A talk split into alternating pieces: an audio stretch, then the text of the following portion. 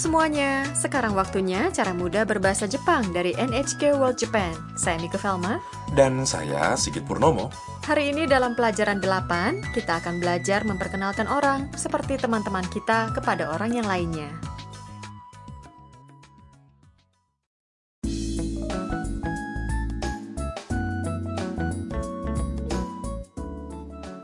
Tam dari Vietnam mulai berteman dengan Ayaka, seorang mahasiswi Jepang.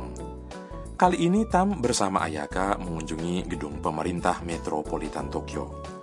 Lantai observasinya memiliki ketinggian 202 meter dengan panorama kota.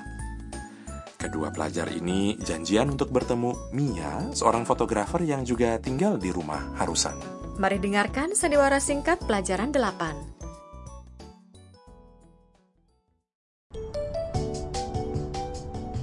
まあすごい綺麗だねはいあタム遅れてごめんなさい友達の彩香さんですこんにちはミーヤですああミーヤさん写真を撮ってるんでしょすごいな私も撮ってくださいねはい Mari kita ulas satu persatu.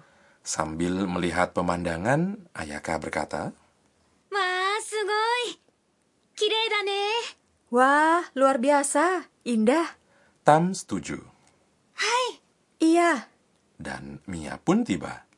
あタム遅れてごめんなさい Tam, maaf saya terlambat.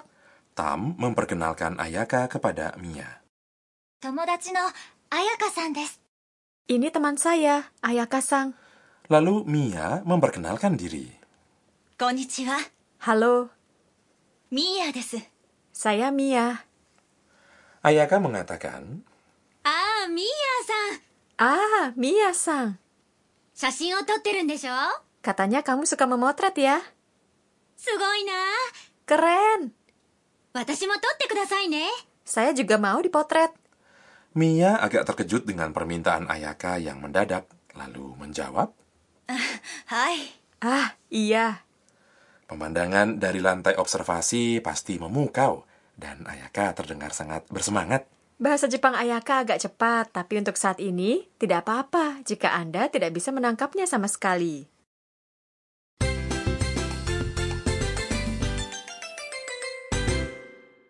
Ungkapan kunci hari ini adalah ini teman saya, Ayaka-sang.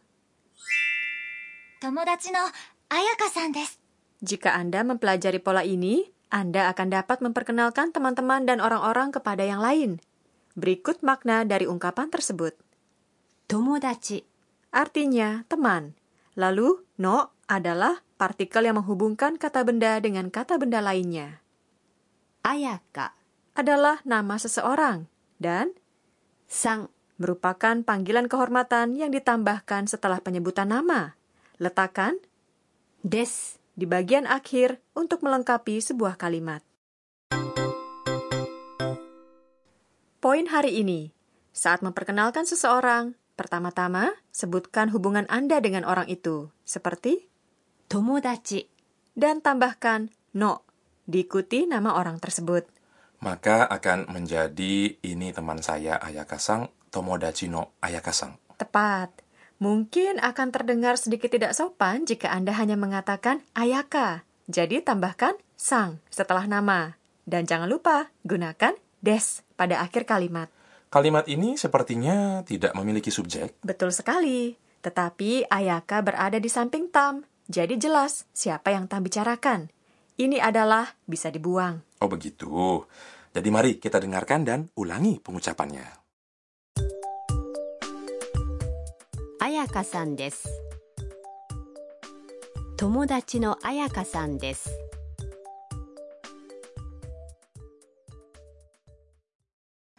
Apakah Anda bisa mengucapkannya dengan tepat?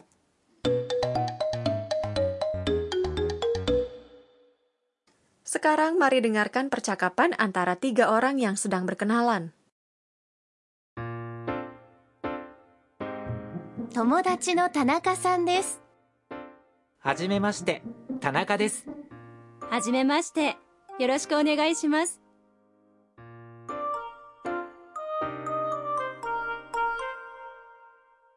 Berikut artinya. 友達の田中さんです Ini teman saya, Tanaka-sang.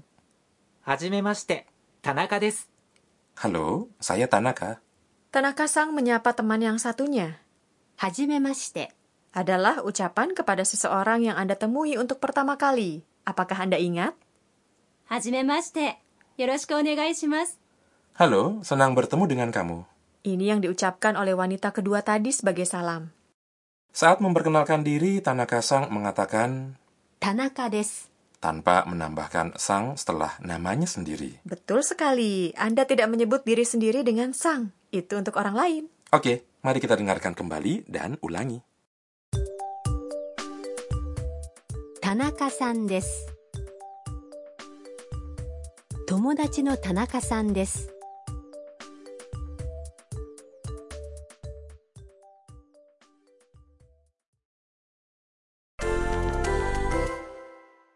Selanjutnya, coba memperkenalkan seseorang dari keluarga Anda kepada teman. Bayangkan, アンナ、 adalah adik perempuan Anda. Adik perempuan adalah 妹、妹、 saat memperkenalkan anggota keluarga, jangan gunakan sang. Cobalah.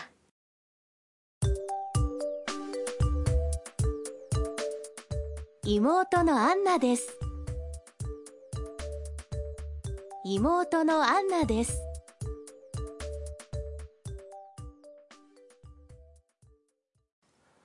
Apakah Anda mengerti? Nah, bahasa Jepang memiliki banyak kosakata untuk anggota keluarga.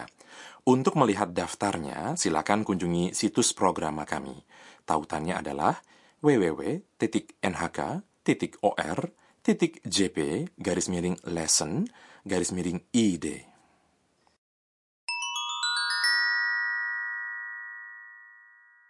Saatnya peningkatan, berbagai cara untuk menyapa seseorang.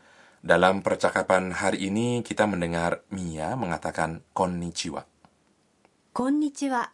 Adalah salam yang agak formal pada siang hari, tidak sering digunakan antar teman. Ketika Anda bertemu dengan seseorang di pagi hari, katakan おはようございます。 selamat pagi. Pada waktu malam hari, こんばんは。 Selamat malam. Mari dengarkan sandiwara singkat hari ini sekali lagi. わあすごい綺麗だねはいあタム遅れてごめんなさい友達の彩香さんですこんにちはミーヤですああミーヤさん写真を撮ってるんでしょすごいな私も撮ってくださいねはい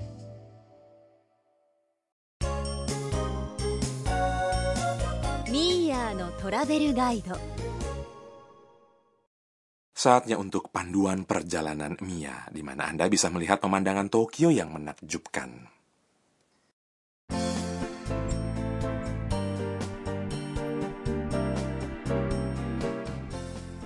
Sandiwara singkat hari ini terjadi di lantai observasi gedung pemerintah metropolitan Tokyo di Shinjuku. Lantai ini terbuka untuk umum. Anda bahkan dapat melihat Gunung Fuji jika cuacanya cerah. Pasti terlihat sangat indah. Apakah ada tempat-tempat lain yang bagus? Tentu saja.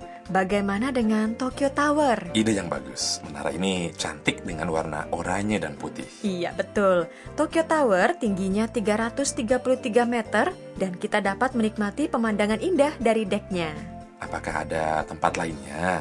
Tokyo Skytree di dekat Asakusa setinggi 634 meter, dibangun pada tahun 2012 dan menjadi menara tertinggi di dunia. Pemandangan dari dek observasinya juga sangat memukau. Tinggi ya? Hmm, baik Skytree maupun Tokyo Tower memiliki tatanan lampu yang cantik di malam hari. Dua tempat terkenal di Tokyo ini sangat indah, jadi silakan mengunjunginya.